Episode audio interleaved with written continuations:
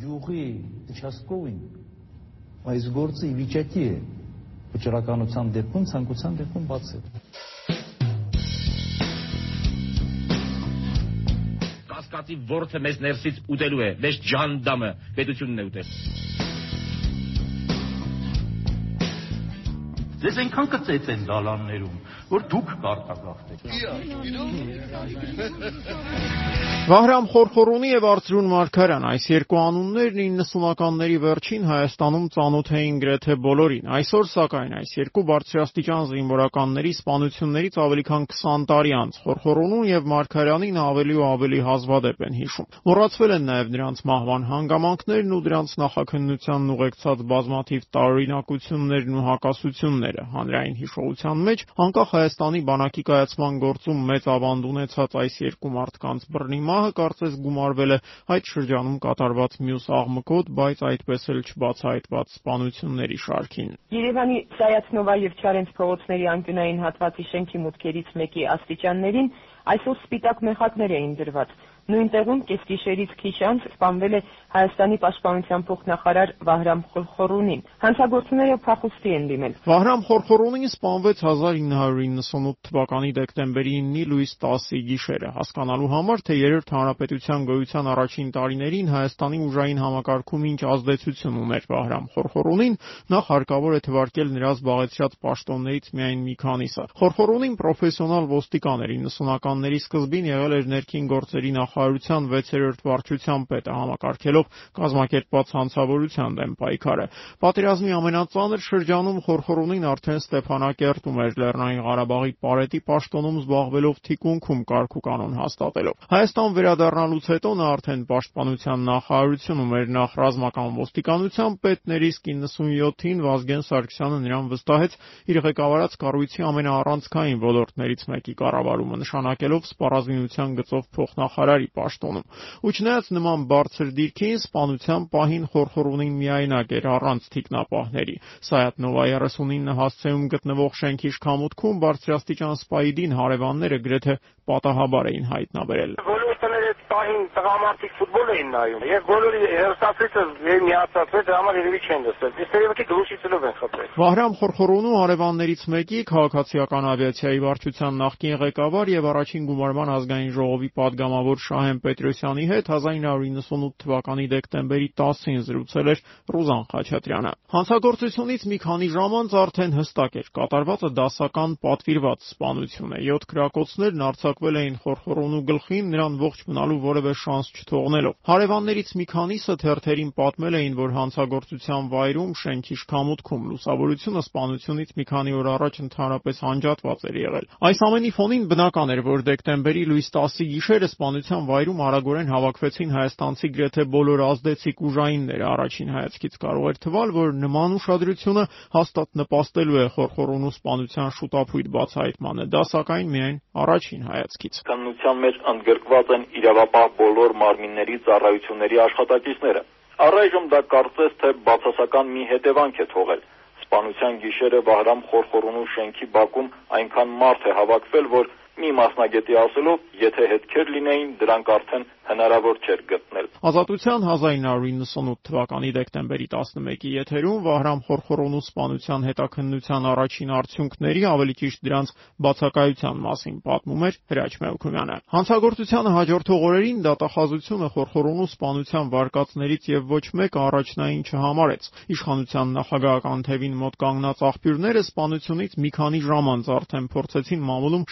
շրջանառության մեջ դնել հանցագործության տնտեսական դրդապատճառների վարկածը, ակնարկելով, թե պաշտպանության փոխնախարարը զբաղված էր ոչ միայն երկիր սպառազինություն, այլև օղի եւ ծխախոտ ներկրելով։ Այս մի վարկածը սակայն արագորեն հերքեցին թե պաշտպանության նախարարության բարձրաստիճան սպաները եւ թե խորխորոնու հարազատները նման արագ արձագանքներ երևի պատճառը, որ ծխախոտախ միջքային վարկածը այդպես էլ լայն տարածում չգտավ։ Դեկտեմբերի կեսին Երևանում գրեթե բոլորը վստահ էին խորխորոնու սպանության դրդապատճառները քաղաքական են։ Պաշտպանության նախարարը վերջերս քաղաքական շարժում ղեկավարելու հայտ է ներկայացրել։ նրա դիրքորոշումից եւ գործողություններից շատ բանով, եթե ոչ ամբողջապես, կախված են 1999 թվականի խորհրդանական ընտրությունների արդյունքները։ Մարտակիցներն ու հավակնորդները այս ձևով զգուշացնում են նախարարի նշում է առավոտը։ Խորխորոնու սպանությունը կարող էր միտված լինել ոչ այնքան նրա անձի ֆիզիկական վերացմանը, որքան ինչ որ մեկին ինչ որ բան ցույց տալուն,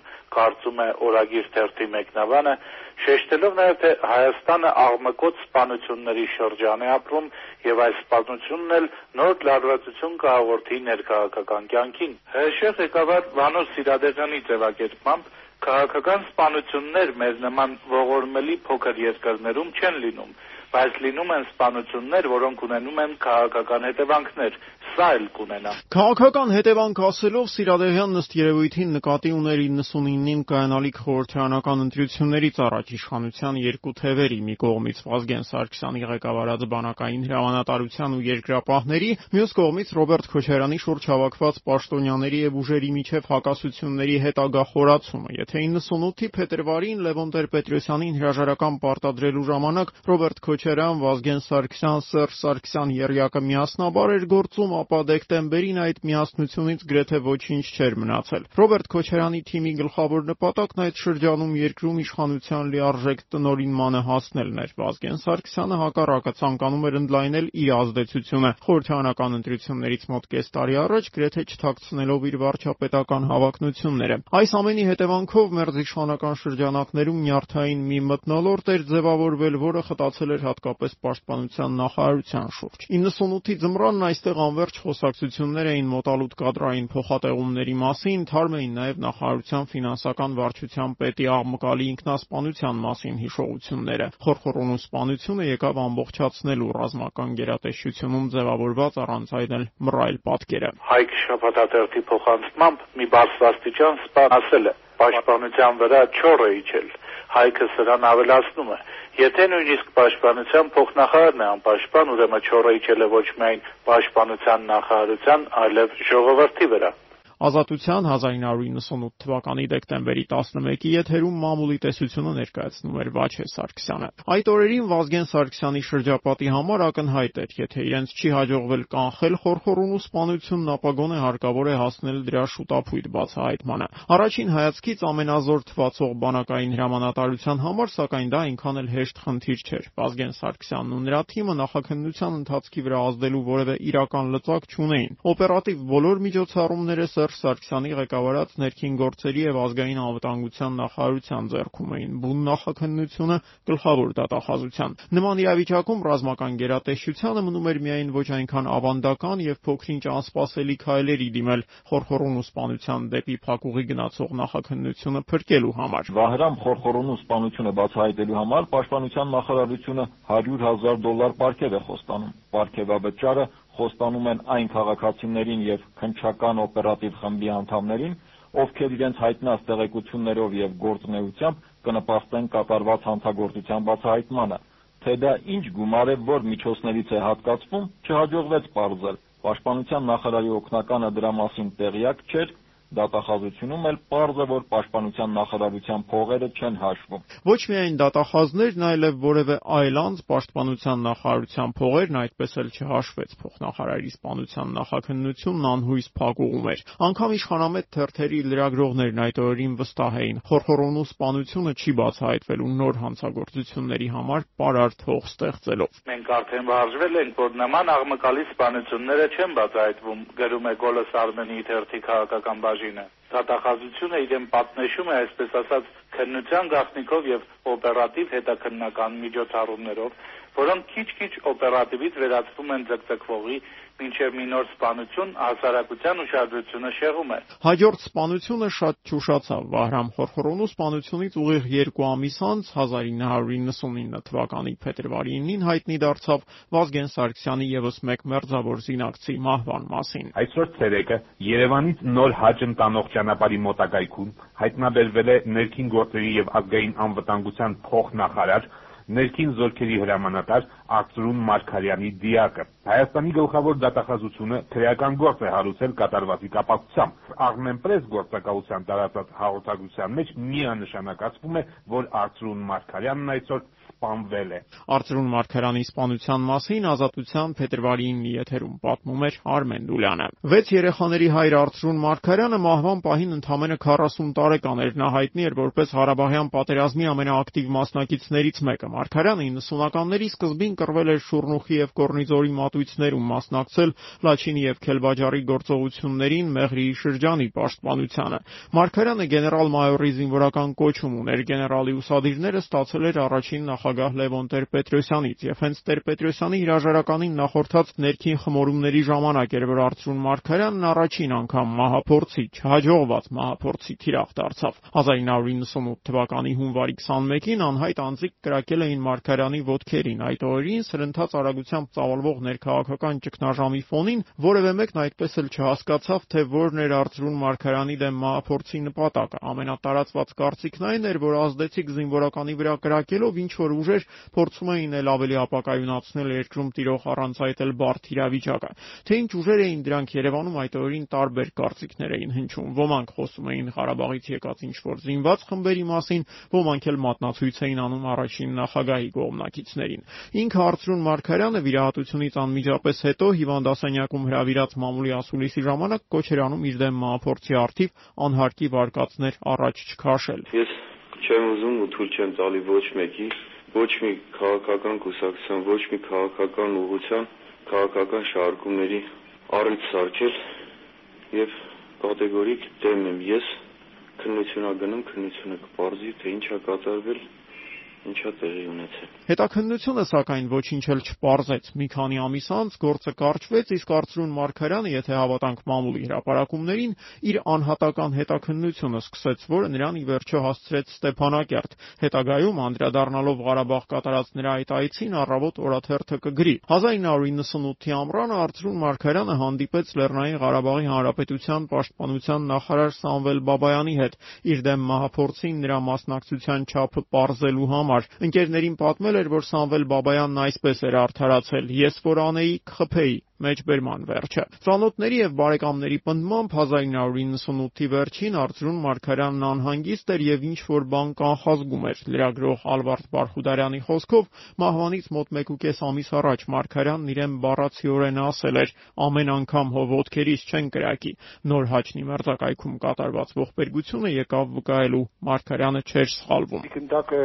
դոշինա կպել, կրծքավանդակի նախապած, ուսը գլխին։ Արծրուն Մարգարյանի մարմինը հայտնաբերվեց 1999 թվականի փետրվարի 9-ի կեսօրին։ Նախաքննության մեկնարկից ընդամենը մի քանի ժամ անց նույն օրը երեկոյան Ռոբերտ Քոչարյանն արդեն թափանցիկ ակնարկներ էր հնչեցնում Մարգարյանի սպանությունը ուր որ է բացահայտվելու է։ Արդյոք սա նախորդ սպանությունների շարքից է։ Երեք Իրանի դեսպանատանը կազմակերպված ընդունելության ժամանակ առավոտի թղթակից այս հարցով դիմել է նախագահ Քոչարյան Քոչարյանին։ Կարծում եք, որ նախագահը պետք է դրա մասին ասի, արձագանքել է Ռոբերտ Քոչարյանը։ Դատախազին հարցրեք, բավական պարզ է ամեն ինչ։ Մինչդեռ գլխավոր դատախազ Աղվան Հովսեփյանը քիչ անց նույն թղթակցին ասել է. առայժմ ոչինչ պարզ չէ։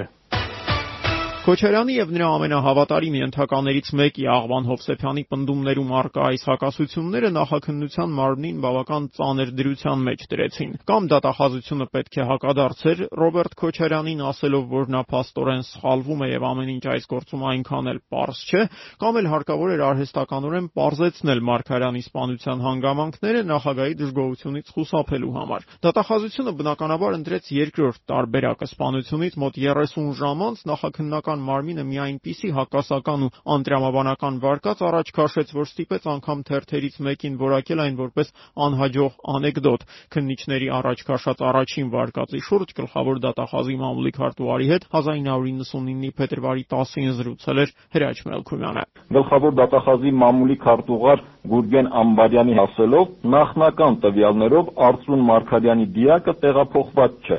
սպանվել է տեղում նոր հաճնի ճանապարհի խաչմերուկին հարող ամայի տարածքում։ Գնացել է հորաքրոջ տուն նոր հաճը մի թիկնապահների հետ միասին։ Նոր հաճն են գնացել թիկնապահներից մեկի Ժիգուլի մատնիշի պետական համարանիշով մեքենայով։ Հորաքրոջ տանը խմել են, վերադարձրին Արծուն Մարգարյանը նստել է մեքենայի հետևի նստարանին, շարժվել են դեպի Երևան։ Ճանապարհին բնական թեթև պահանջ է ունեցել։ Կանգնել են, Արծրուն Մարգարյանը մեքենայից դուրս է եկել եւ այստեղ սկսվում է ամենահետաքրքիր մասը։ Ու հենց այդտեղ էլ սպանվել է։ Հիմա այսինքն դեպքը այդտեղ է կատարվել սպանվել է, ինքնասպան է եղել, դա նախաքննությունը կբարձի։ Բայց ինչպես կարող էր երկու կրակոցից ինքնասպան լինել։ Իսկ ինչպես չէր կարող, օրինակ։ Ես օրինակ 10 վարիանտ քեզ ասեմ։ Ինչու չէր կարող, ինչ ես ենթադրում, որ չէր կարող փորձակնությունը ցույց կտա թե դրանցից որն է եղել առաջին գնդակը, որը երկրորդ։ Նու ենթադրաբար եթե ինքնասպան ա եղել, երկրորդն է գլխին հասցված է, դա բաները էքսպերտները կտանեն եզրակացությունը։ Իսկ ամեն դեպքում կարող ենք ասել, որ ինքնասպանության վարկածը առաջիններից մեկն է։ Վարկածներից մեկն է, այո։ Արծրուն Մարկարյանին երկու թիկնապահ են ուղեկցել։ Իսկ եթե թիկնապահների ուղեկցությամբ է եղել, միթե նրանք չեն կարողանում հաստատեն, որ մեքենայից դուրս եկավ եւ իրեն խփեց։ Հրաչ ջան, հենց դրա համար էլ աշխատում են, հենց բարձեցին քեզ կասենք բայց միջև ինձ ասելը ինքնասպանության վարկածի տրամաբանական կապն այստեղ ընդհատվում է։ Եթե նա իսկապես ինքնասպան է եղել, ապա անբացատրելի է մնում թիկնապահների պահվածքը։ Ինչու այդ մասին անմիջապես տեղյակ չեն պահել։ Ինչ են արել, ուր են գնացել։ Չէ որ Արծրուն Մարգարյանի դիակը ըստ պաշտոնական հաղորդագրության փաստորեն հայտնաբերվել է մոտավորապես 12 ժամ անց, օրը ցերեկով Այս հավելյալ հարցերի պատասխանները արդեն չստացա։ Պարոն Ամբարյանը մի փոքր նեղացավ, ասելով թե մեր զրույցը հարցաքննության է վերածվում։ Եվս մեկ հարց, որ այդպես էլ շարունակում է հուզել բոլորին։ Արդյոք սա նախորդ քաղաքական սպանությունների շարքից չէ։ Ի պատասխան առավոտի թղթակցի այդ հարցի հանրապետության նախագահն ասել է. «Բավական պարզ է ամեն ինչ»։ Իսկ գլխավոր դատախազը պատասխանել է. «Առայժմ ոչինչ պարզ չէ»։ Արդյոք նախագահը ինչ որ բան գիտի եւ չի հայտնում դատախազությանը։ ինչպես պես բաներ հարցնում հրաչ։ Է Հիմա ինչի է նախագահն ասել, ես ինչ գիտեմ։ Դատախազության նման նյարդային արձագանքը հասկանալի էր։ Նախաքննությունը կարծես երկու քարի արանքում հայտնված լիներ։ Մի կողմից Քոչարյանն էր գործի մոտալուտ բացահայտման մասին իր հայտարարություններով, մյուս կողմից էլ Վազգեն Սարգսյանն ու զինված ուժերի հրամանատարները, որոնք ինքնասպանության վարկածի հայտ գալու հաջորդ օրը հավաքվեցին Պաշտպանության նախարարության աշտարակի խճուղու վրա գտնվող հին շենքում իրավապահներին փաստացի վերջնագիր ներկայացնելով։ Զինված ուժերի հրամանատարական կազմը խորապես վրդովված է պաշտպանության փոխնախարար Վահրամ Խորխորունու ներքին զորքերի հրամանատար Արսլուն Մարգարյանի սպանություններով եւ պահանջում է սեղմ ժամկետներում բացահայտել նրանց սպանությունները։ Մամուլում հրապարակված Գլխավոր դատախազ Հովսեփյանին ու Սերժ Սարգսյանին հղված բողոքի նամակում հրամանատարները ընդգծում են. Վահրամ Խորխորունու սպանության չբացահայտելը հանգեցրեց մեր մեկ այլ մարտական ընկերոջ եւ հրամանատարի սպանությանը։ Զազրելի ոչռագործության երկրորդ օրնիսկ հանրապետական դատախազության պատասխանատու անձինք պաշտոնական տեղեկատվությունը չբացառեցին կատարվածը որպես ինքնասպանություն որակելու վարկածը նաև հրապարակավ, վարկաբեկելով մարտական փառաբան ծուղի անցած հրամանատարի բարի համբավն ու անունը։ Այն նույն ժամերին, երբ զինվորականները Պաշտպանության նախարարությունում այս հայտարարության տեքստն էին մշակում, Բաղրամյան 26-ում Ռոբերտ Քոչարյանը հանդիպում էր քաղաքական կուսակցությունների ներկայացուցիչների հետ։ Այս հանդիպման ժամանակ Քոչարյանը մեկ անգամ եւս հայտարարեց, թե Արծրուն Մարգարյանի գործը մոտ է բացահայտմանը եւ դատախազությունը շուտով հանդես է գալու հատուկ հայտարարությամբ։ Գլխավոր դատախազությունում նախագահականից հնչող ուղղորդող բնույթի այս հայտարարություններից կարծես թե հոգնել էին եւ հակադարձեցին, թե դատախազության նման կառույցը ոչ թե հայտարարություններով է հանդես գալիս, այլ մեղադրանք է առաջադրում։ Դատախազության նյարդայնությունը մեկ այլ պատճառ էլ ուներ։ Արծրուն Մարգարյանի մարտական ընկերները պաշտոնական նախաքննությանը զուգահեռ սեփական հետաքննությունն էին անցկացնում, բազմաթիվ հակասություններ հայտնաբերելով թե առաջ քաշվող վարկածում եւ թե հատկապես Մարգարյանի թիկնապահների ցուցմունքներում։ Թիկնապահներն ասել են, որ Արթուրուն Մարգարյանի մոտ երկու ատրճանակ է եղել։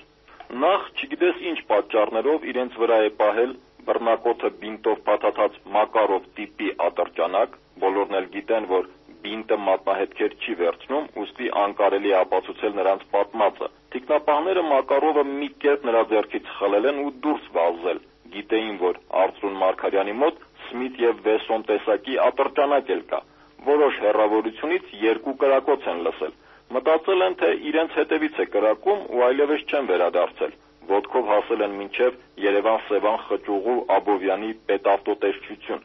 Այնտեղից զանգել են Երևան Մարգարյանի վարորդին։ Գիշերվա մեջ երկու անգամ տեղանքը զնվել է, բայց Արծուն Մարգարյանին չեն հայտնաբերել։ Մտածել են երևի ինչ որ տեղ է գնացել։ Առավոտյան բոլորն էլ ներկայացել են աշխատանքի, բայց հրամանատարը չկա։ Մի քանի ժամից արդեն զեկուցել եմ ներքին գործերի եւ ազգային անվտանգության փոխնախարարներից մեկին։ Մնացածը արդեն հայտնի է։ Այս եւ այնտեղ լսվող խոսակցություններում պնդում են, որ Արծրուն Մարկարյանին սպանել են։ Մեքենայի մեջից նաև մի չկրակված գնդակ է հայտնաբերվել։ Մարկարյանը միշտ ատրճանակի փողի մեջ գնդակ է պահել։ Այդ չիմացող մարդը մի անգամ էլ է լիցքավորել ատրճանակը, որի պատճառով փողի մեջի չկրակված գնդակը ցած է ընկել։ Անհավանական է համարվում, որ նա կարող էր երկու անգամ կրակել իր վրա։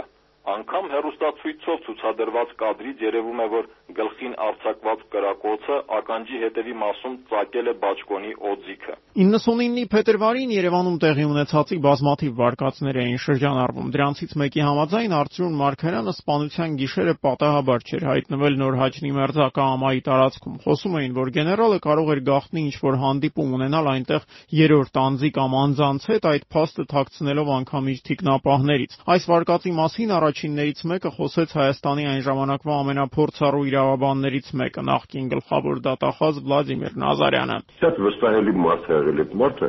որ կարողացել է այնց մոտենալ, որ իրանից բացակայեն տեղեկատվությունը, ասենք, թերևս շատ որ վստահելի մարդ լինի, մարդ իր հետ իր տիկնապահներին էլ հետ կողարկի, որտեղ միտք չունեն տիկնապահների հետ գնալ շատ վստահելի մարդու մոտ։ Այս վարկածի մասին խոսում էին նաև փետրվարի 11-ին Սպայի տանը եւ Եռաբլուրում Արծրուն Մարգարյանի հոգեհանգստի արարողության եւ հուղարկավորության ժամանակ։ Արծրուն Մարգարյանին վերջին հրաժեշտը տալու հարյուրավոր մարդիկ էին եկել պատերազմի շարքային մասնակիցներից ու քաղաքական գործիչներից մինչև բարձրաստիճան զինվորականներ։ Ներկա չէր միայն պաշտպանության նախարար Վազգեն Սարգսյանը։ 5-րդ բանակային կորպուսի հրամանատար, ապագա պաշտպանության նախարար Սեյրան Օհանյանը Եռաբլուրում հավաքված ստեղծված բազմությանը Վազգեն Սարգսյանի բացակայության պատճառն այսպես էր բացատրել մեջբերում. Վազգեն Սարգսյանը սփոփանքի իր խոսքն ասելով Արծրունի հարազատներին չկարողացավ մասնակցել հուղարկավորությանը. Ներողություն է խնդրում մեզանից խիստ ընկճված եւ վրթովված լինելով ասել էր Օհանյանը փոխարենը Սպայտանն էին գլխավոր դատախազ Աղվան Հովսեփյանն ու ներքին գործերի եւ ազգային անվտանգության նախարար Սերժ Սարգսյանը եւ հենց Սերժ Սարգսյանն էր որ կարծես առաջինը զգաց թե ինչ հետևանքներ հետևանքներ կարող է ունենալ ինքնասպանության վարկածի հետագա շրջանառումը,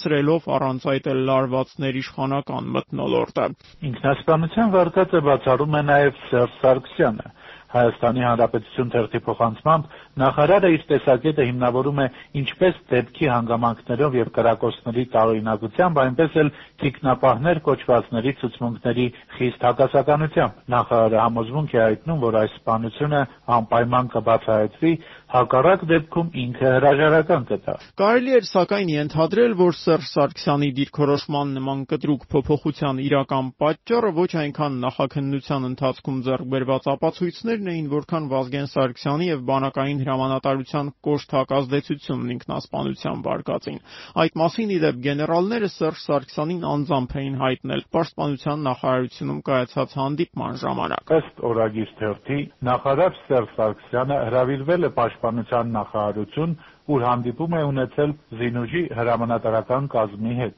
Հանդիպումը լավատեղյակ աղբյուրների պնդմամբ խիստ տհաճ է եղել Սերժ Սարգսյանի համար նաև այն պատճառով, որ Զինուժի հրամանատարական կազմը արձանագրել է, որ ներկա իշխանությունները գեներալիտետը վարկաբեկելու հստակ քաղաքականություն են արձանագրել, քանի որ Վահրամ Խորխորունուն կիսապաշտոնական մամուլը ներկայացնում է իբրև տնտեսական հանցագործ, իսկ Արծրուն Մարգարյանին ներկայացնում են իբրև հարբեցող։ Օրագրի ամփոփմամբ հանդիպման վերջում Զինուժի հրամանատարական կազմը ներքին գործերի եւ ազգային անվտանգության նախարարից պահանջել է 15-օրյա ժամկետում բացահայտել սպանությունը եւ ներկայացնել իսկական մարդասպանին։ Ներքին գործերի եւ ազգային անվտանգության նախարարը սակայն կտրականապես հերքում էր բանակի կողմից իրեն ներկայացված վերջնագրի փաստը հարցրուն Մարգարյանի սպանությունից մոտ 1 շաբաթ անց ազգային ժողովում հավատարմագրված լրագրողների հետ զրույցում Սերժ Սարգսյանը խիստ ինքնավստահ էր, բացառելով իր վրա բանակային հրամանատարության կողմից ճնշման ցանկացած հնարավորություն։ Ինձ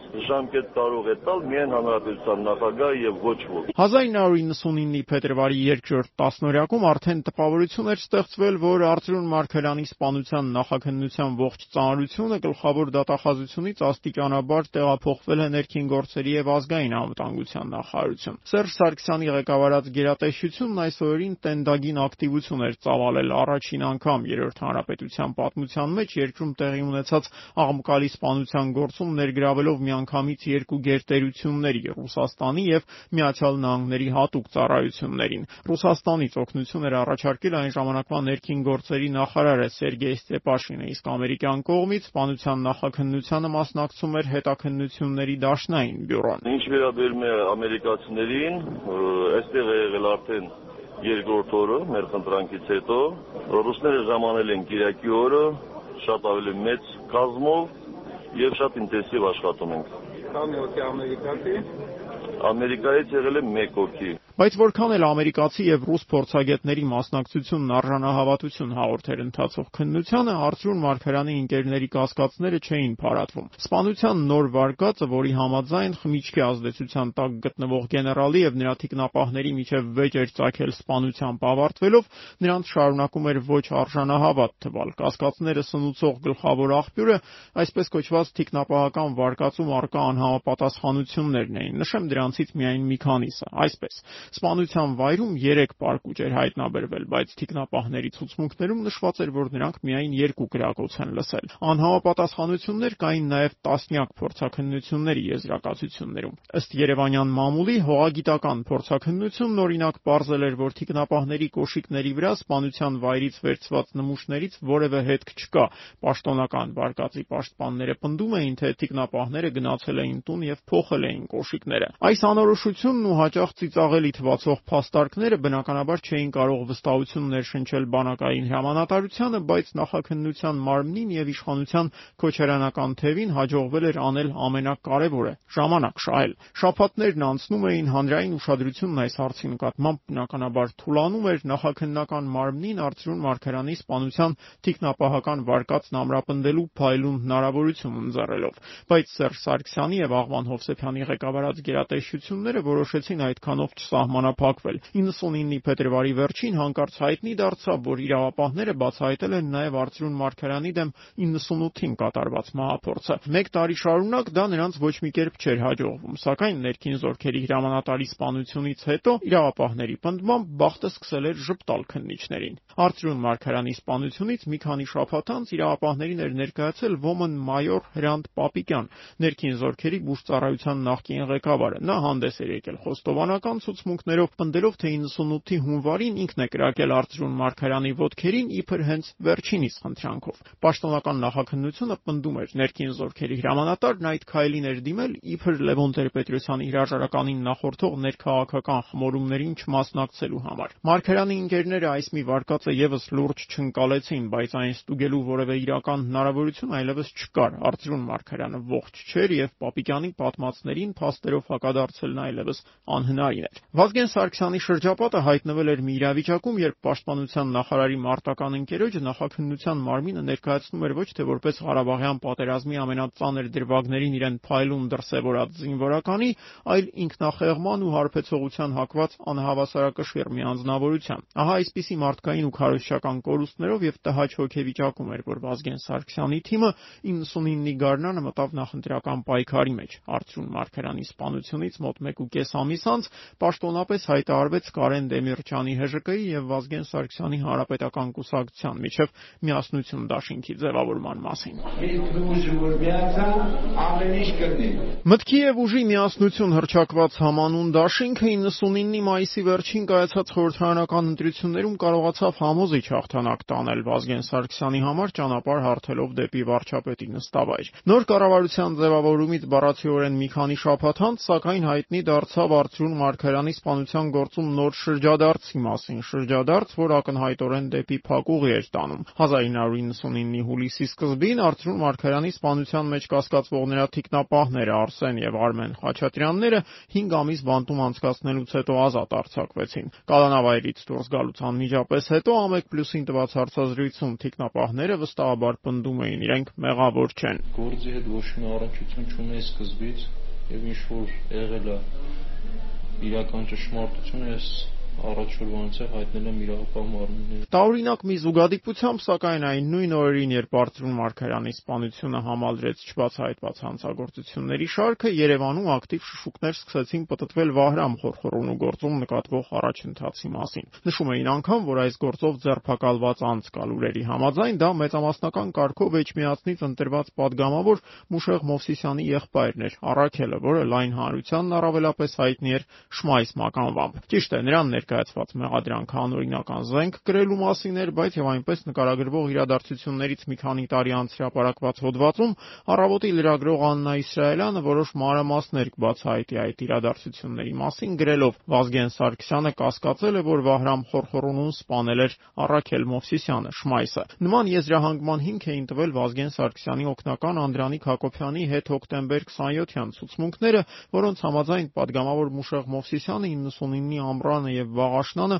ամեն կերպ փորձել է հանդիպել Վազգեն Սարգսյանին, որ เป զի հավաստիացնի նրան, որ իր եղբայրը խորխորոնու սպանության հետ որևէ առնչություն չունի։ Հարց է առաջանում. ինչու էր վարչապետի օգնականի մոտ Մուշեղ Մովսիսյանն արդարանում, թե իր եղբայրը կապ չունի խորխորոնու սպանության հետ։ Ակնհայտ է այն պատճառով, որ գիտեր, թե իրականում Վազգեն Սարգսյանը Շմայսին հենց դրա մեջ էր կասկածում եւ ապօրինի զենքը միայն պատրվակ էր։ Կգրի առավոտը 2001 թվականին։ Երևանում շրջանառվող լուրերի համաձայն, սակայն Արաքել Մովսիսյանը Վազգեն Սարգսյանի ու նրա շրջապատի մոտ կասկածներ էր հարուցել նաև այն պատճառով, որ այս շրջանում սերտ կապեր էր հաստատել Լեռնային Ղարաբաղի պաշտպանության բանակի հրամանատար Սամվել Բաբայանի հետ։ Այդ հարաբերությունները բնութագրելով ըստ հրապարակված ցուցմունքների Մուշեղ Մովսիսյանն ասել էր, թե իր եղբայրը մեջբերում շատ էր խորացել եւ պարկել էր Սյամոյի տակ։ 99-ի ամռանը Վազգեն Սարգսյանի կողմնակիցների տեսանկյունից սա լուրջ մեղադրանք էր։ Այդ օրերին Սամվել Բաբայանի եւ Վազգեն Սարգսյանի հարաբերությունները խիստ վատ էին։ Բանը հասել էր նրան, որ 99-ի խորհրդարանական ընտրությունների ժամանակ Սամվել Բաբայանն անթակույց կերպով աջակցում եւ ֆինանսավորում էր Վազգեն Սարգսյանի քաղաքական հակառակորդներին նախ եւ առաջ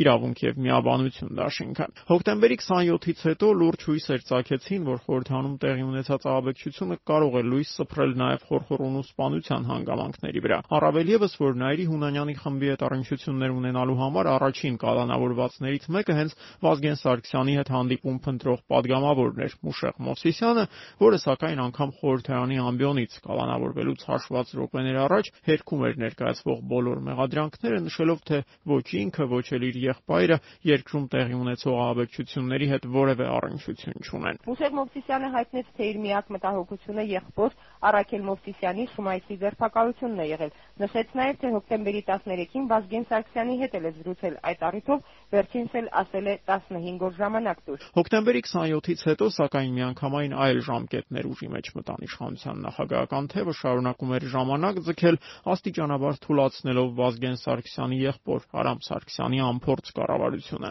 Իշխանության երկու թևերի այս խուլ պայքարն ավարտվեց 2000 թվականի մայիսին Վազգեն Սարգսյանի վերջին զինակիցների իշխանությունից հեռացմամբ։ Հոկտեմբերի 27-ի կազմակերպիչների, ինչպես նաև մյուս աղմկալի հանցագործությունների շուրջ հնարավոր բացահայտումների վերաբերյալ վերջին հույսերը մարում էին եւ միայն հոկտեմբերի 27-ից հետո էր որ Վազգեն Սարգսյանի շրջապատը վերջնականապես համոզվեց. Վահրամ Խորխորոնու եւ Արծրուն Մարգարյանի սպանությունները ոչ թե միմյանցից անջատ դրվագներ էին այլ մեկ միասնական շղթայի օղակներ կամ ինչպես նշել էր սպանված վարչապետի զինակիցներից մեկը Վազգեն Սարգսյանի շուրջ դատարկ տարածություն թողնելու մտածված ծրագիր Գյուղի